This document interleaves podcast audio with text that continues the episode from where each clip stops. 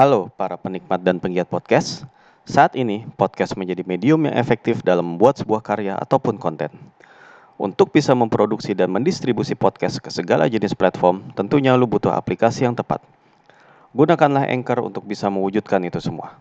Selain memproduksi dan mendistribusi, Anchor juga memiliki data analitik untuk melihat performa lu sebagai podcaster.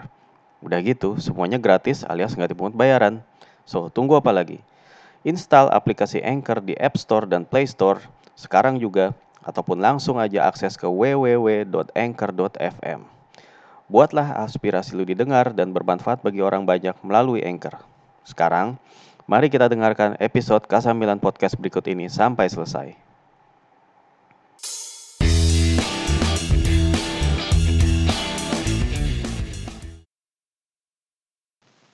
Yo, Assalamualaikum warahmatullahi wabarakatuh. Kasamilan Podcast kembali mengudara lagi. Dan uh, kali ini gue pengen ngomongin tentang uh, update Mercato aja, singkat aja sebenarnya. Jadi setelah episode terakhir kemarin itu gue uh, bilang bahwa Mercato Milan ini relatif sepi ya karena alasan satu dan lain hal. Dan kali ini sepertinya Mercato Milan sudah mulai uh, ramai kembali ya setelah tentunya setelah Zlatan Ibrahimovic menandatangani kontrak perpanjangan selama satu musim ya dan dia akan menerima sekitar 7 juta euro gaji bersih dia.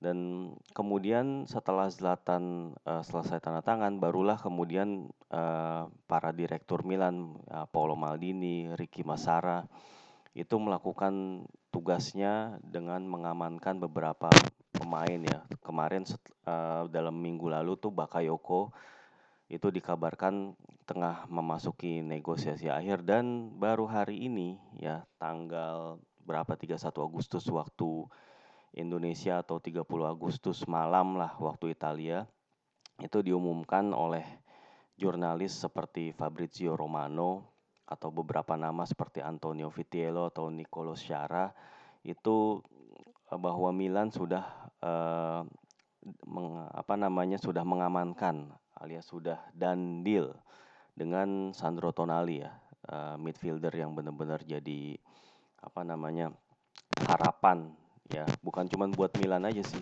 tapi juga buat uh, timnas Italia dalam beberapa tahun ke depan. Uh, sebenarnya gue tuh nggak mau terlalu ngebahas deep ataupun detail tentang Sandro Tonali karena belum official. Simply belum official. Gue nggak gue masih yang apa ya uh, cautiously excited lah gue seperti yang gue tweet. Jadi gue nggak mau bener-bener yakin sampai dia itu tanda tangan kontrak di Milan. Sampai Milan itu secara resmi ya melalui websitenya itu udah mengumumkan bahwa mereka membeli Sandro Tonali gitu. Ya tapi kalau dari yang kemarin di uh, diberitain ya itu dealnya itu sebesar uh, 10 juta loan fee lalu kemudian another 10 juta bonus dan kemudian 15 juta opsi beli gitu. Jadi opsi beli dan bonus itu jadi satu, jadi totalnya itu 35 ditambah lagi ada future resale. Alias kalau misalnya Milan ngejual Tonali ke klub lain, itu Brescia akan mendapatkan presentasi apa prosentase 30%, eh 30%, sorry, 10% tapi 10% uh, eh, persentase itu hanya berlaku apabila Milan uh, menjual Tonali itu minimal 30 juta euro. Jadi artinya uh, Brescia itu udah pasti dapat kira-kira ya 35 tambah 3 38 juta lah ya. 38 juta euro itu yang udah pasti didapat. Tapi itu kondisinya hanya kalau uh, si Tonali itu dijual. Tapi kalau Tonalinya nggak dijual ya anggap aja nilainya 35 juta euro gitu. Tentunya nilai yang ya bisa dibilang ya cukup mahal untuk uh, seorang gelandang yang masih berusia 20 tahun ya. Cukup mahal sih, cukup mahal karena juga hype-nya Tonali itu emang gede banget ya. Emang udah dari beberapa tahun terakhir dibicarakan. Ya, tapi mengenai uh, sekali lagi yang gue bilang role-nya di Milan dia akan sebagai apa, bermain se uh, sebagai apa bagaimana statistical performance-nya pada saat dia membela Brescia itu akan gue bahas nanti aja pas udah official. Uh, tapi yang jelas sekarang uh, apa namanya ya tunggu aja berita-berita selanjutnya kapan Tonali akan melakukan medical dan selanjutnya gitu. Apakah memang benar gitu ya? Tunggu aja gitu. Karena ya dalam bisnis transfer seperti ini tentunya apa pun masih bisa terjadi selama belum official. Ya kita tentu sebagai Milanisti ingatlah banyak banget hal yang seperti ini terjadi gitu ya. Tikung menikung soal apa namanya uh, yang katanya udah dandil bahkan udah pakai shell tapi atau udah pakai scruff dari tim tapi kemudian batal karena satu dan lain hal. Nah, artinya sampai benar-benar si pemain itu menggoreskan pena ya untuk melakukan tanda tangan kontrak di kantor Casamilan ya dia bisa uh, belum bisa disebut sebagai pemain Milan gitu loh. Jadinya ya untuk melakukan analisis ya kayaknya ya nanti dulu deh ditahan-tahan dulu aja gitu. Daripada kecelek ya nggak? Uh, tapi di sini gue sih pengen yang mau gue sampein adalah yang tadi gue bilang Mercato Milan itu benar-benar dibuka setelah Zlatan datang. Artinya setelah Zlatan itu uh, memastikan uh, kepulangannya dan dia akan kembali menjadi point of reference dari permainan Milan gitu. Artinya uh, cara Milan bermain, cara Milan melakukan serangan, cara Milan melakukan pressing itu emang tergantung dari Ibra. Jadi ketika Ibra itu udah pasti datang, nah barulah kemudian pemain-pemain lain diburu gitu loh. Jadi jangan sampai Milan itu toto Ibra nggak jadi, yang datang akhirnya pemain lain. Nah kalau kayak gitu strateginya juga berubah gitu. Karena misalnya yang jadi point of reference yang bukan Ibra bisa jadi pemain-pemain dengan karakteristik yang berbeda akan yang yang akan dikejar gitu. Jadi artinya Ibra itu benar-benar jadi inilah jadi penentu bisa dibilang penentu pergerakan transfer Milan karena emang perannya sedemikian vital gitu. Walaupun usianya bakalan 39 tahun ya dan uh, apa namanya tentu saja ya Ibra tetap nggak bisa dipandang sebelah mata. Kita lihat Ibra bisa sampai bikin 10 gol buat Milan gitu ya. 10 gol dan 9 gol di Serie A, 1 gol di Coppa ya. Itu artinya bukan kom, uh, bukan kontribusi yang bisa dianggap remeh untuk seorang pemain berusia 38 tahun yang datang di pertengahan musim. Kalau dia datang dari awal musim entah berapa gol yang bisa yang biasa yang apa yang bisa dia cetak gitu loh. Ya. Nah, ini kemudian juga uh, Milan sedang memburu Tiemu Bakayoko dan Brahim Diaz gitu. Brahim Diaz kabarnya udah dandil juga, tapi kita juga masih belum tahu si pemain masih belum nongol atau belum terjadwal untuk melakukan medical di La Madonnina Clinic di Milan. Dan juga Bakayoko sampai saat ini Milan masih dalam advance negotiation dengan Chelsea ya sebagai pemilik dari Bakayoko. Gitu. Nah, paling di sini gue pengen kayak uh, nge-share aja sedikit sih uh, kayak apa kayak semacam ya kenapa gitu? Udah beli udah misalnya ada Bakayoko kenapa perlu ngejar Tonali? Dan udah ada Tomaso Pobega juga gitu kenapa juga uh, perlu ngejar dua midfielder lagi? Bukankah Milan hanya memakai dua midfield ya di di pertandingan di dalam pertandingan ya double pivot? Gitu kenapa sampai perlu 4 sampai 5 pemain? Yang pertama gue bisa jelasin adalah Milan main di tiga kompetisi, akan bermain ya. Kalau lolos ke dari kualifikasi Europa League ya. Dan sekarang juga udah ketahuan sih sebenarnya calon lawan Milan yang jadi apa namanya yang di kompetisi Europa League kualifikasi ketiga yaitu Bodo Glimt dari Norway atau Norwegia lalu kemudian Hibernians dari Malta dan satu lagi Shamrock Rovers dari Irlandia.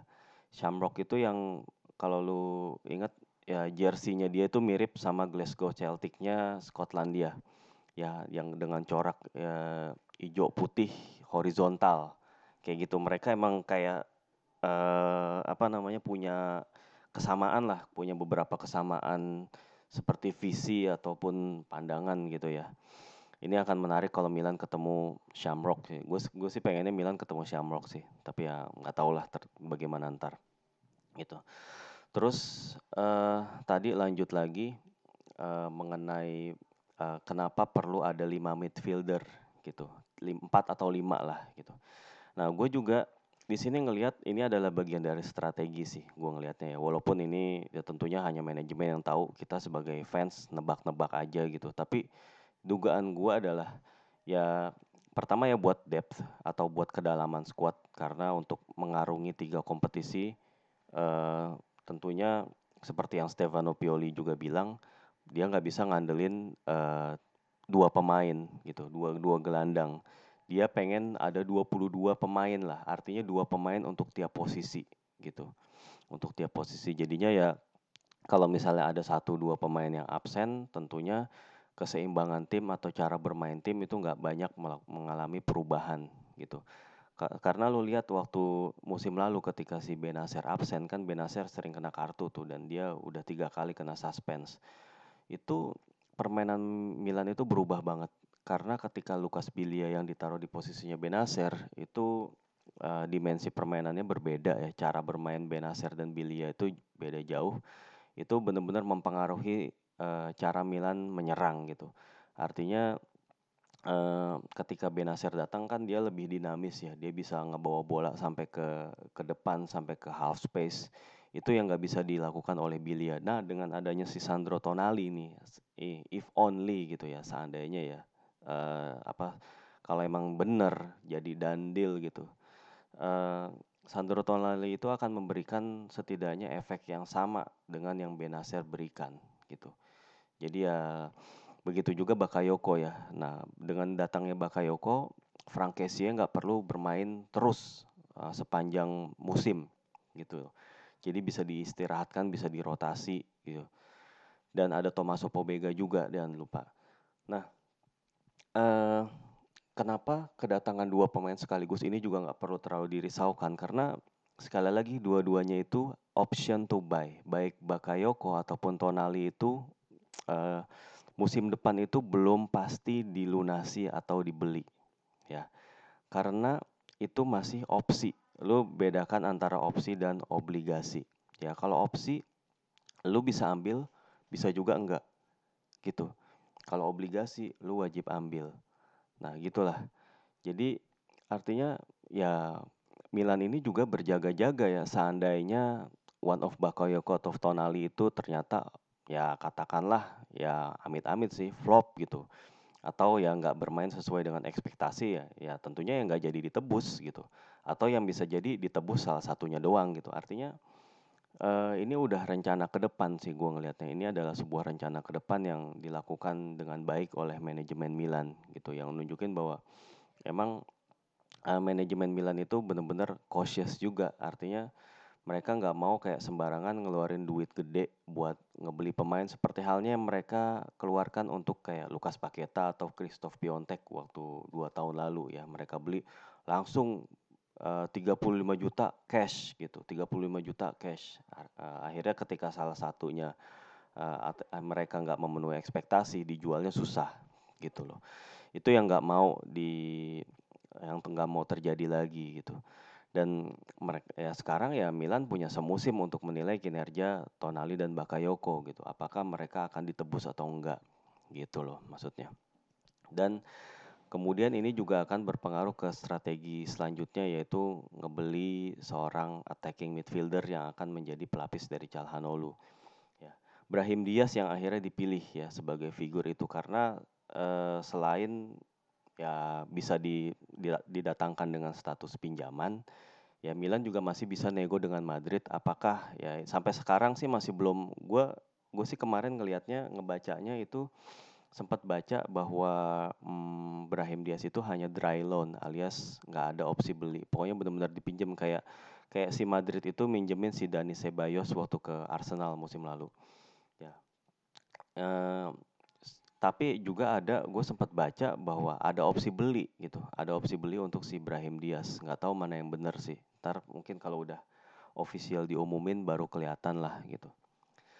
Dan uh, Brahim Diaz juga adalah pemain yang berbakat kalau uh, gue juga terus terang nggak ngikutin Man City ataupun Real Madrid ya. Dia kan uh, Brahim Diaz itu kan launchnya tuh di Man City ya tapi kalau ngelihat dari gaya bermainnya ya dia seorang gelandang serang yang kidal dengan kemampuan dribble yang baik kemampuan melakukan uh, dribble jarak pendek dan akhirnya bisa membuat dia melakukan penetrasi terhadap uh, lini pertahanan yang compact atau lini pertahanan yang benar-benar nunggu di belakang gitu.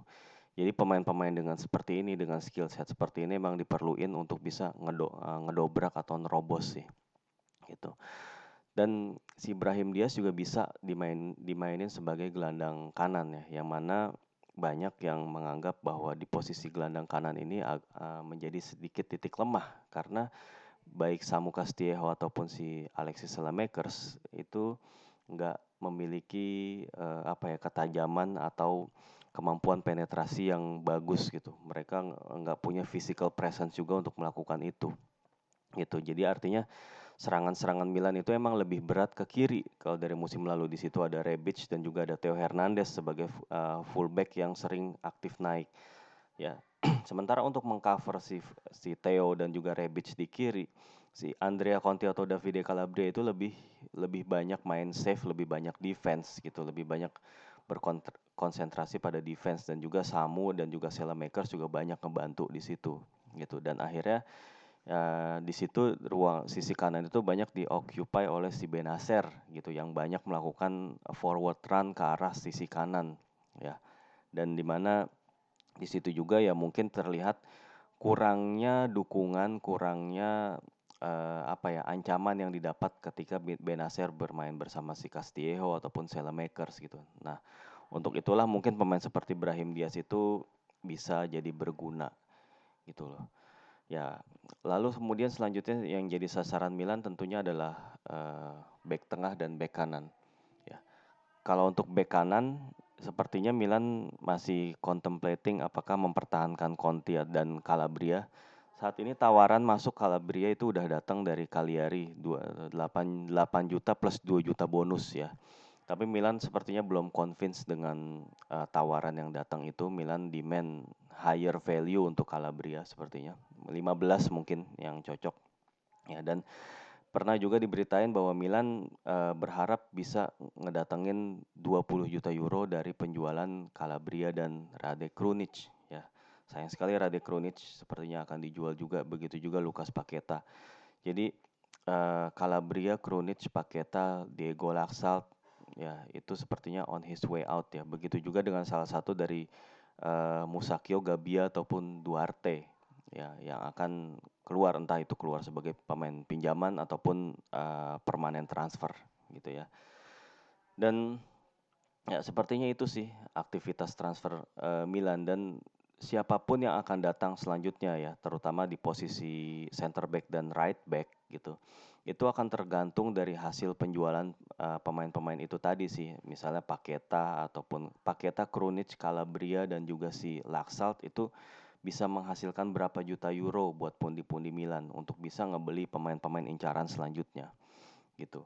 Dan di situlah baru akan kemudian menentukan gua rasa sih satu atau dua pemain itu akan datang pada di di ujung-ujung mercato sih gua rasa sih supaya mungkin ngedapetin harga yang bisa lebih fair gitu ya.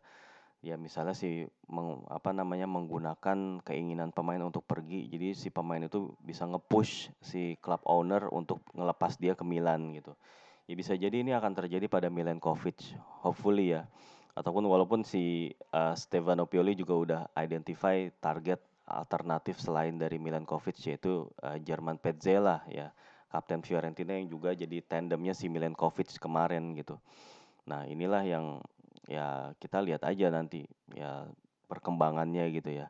Seberapa banyak Milan akan ngumpulin duit di bursa transfer karena ya seperti diberitain 30 juta target apa 30 juta budget itu juga harus digunakan dengan dengan wise ya.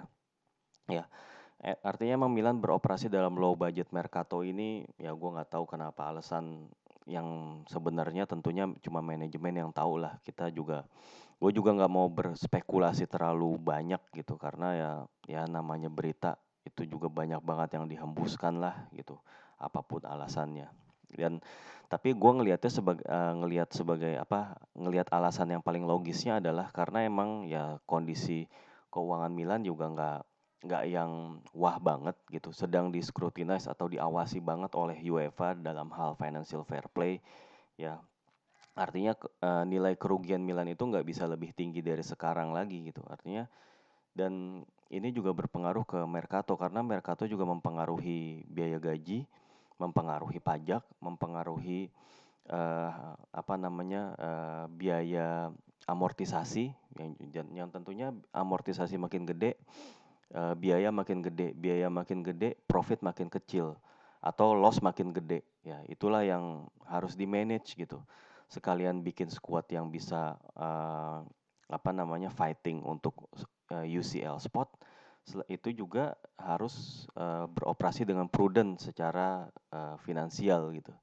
Inilah yang jadi tantangan dari manajemen sih gua rasa dan ketika manajemen udah punya clear strategi terhadap uh, bursa transfer dengan menggabungkan pemain-pemain experience dan pemain-pemain berbakat itu sih gua rasa itu udah hal yang paling logis dan hal yang paling bagus untuk bisa dilakukan. Oke. Uh, eh, gua rasa sih itu aja yang mau gua update gitu ya. Nanti kalau misalnya ada informasi yang udah official dan juga ada dandil lagi, gua akan update lagi podcast ini.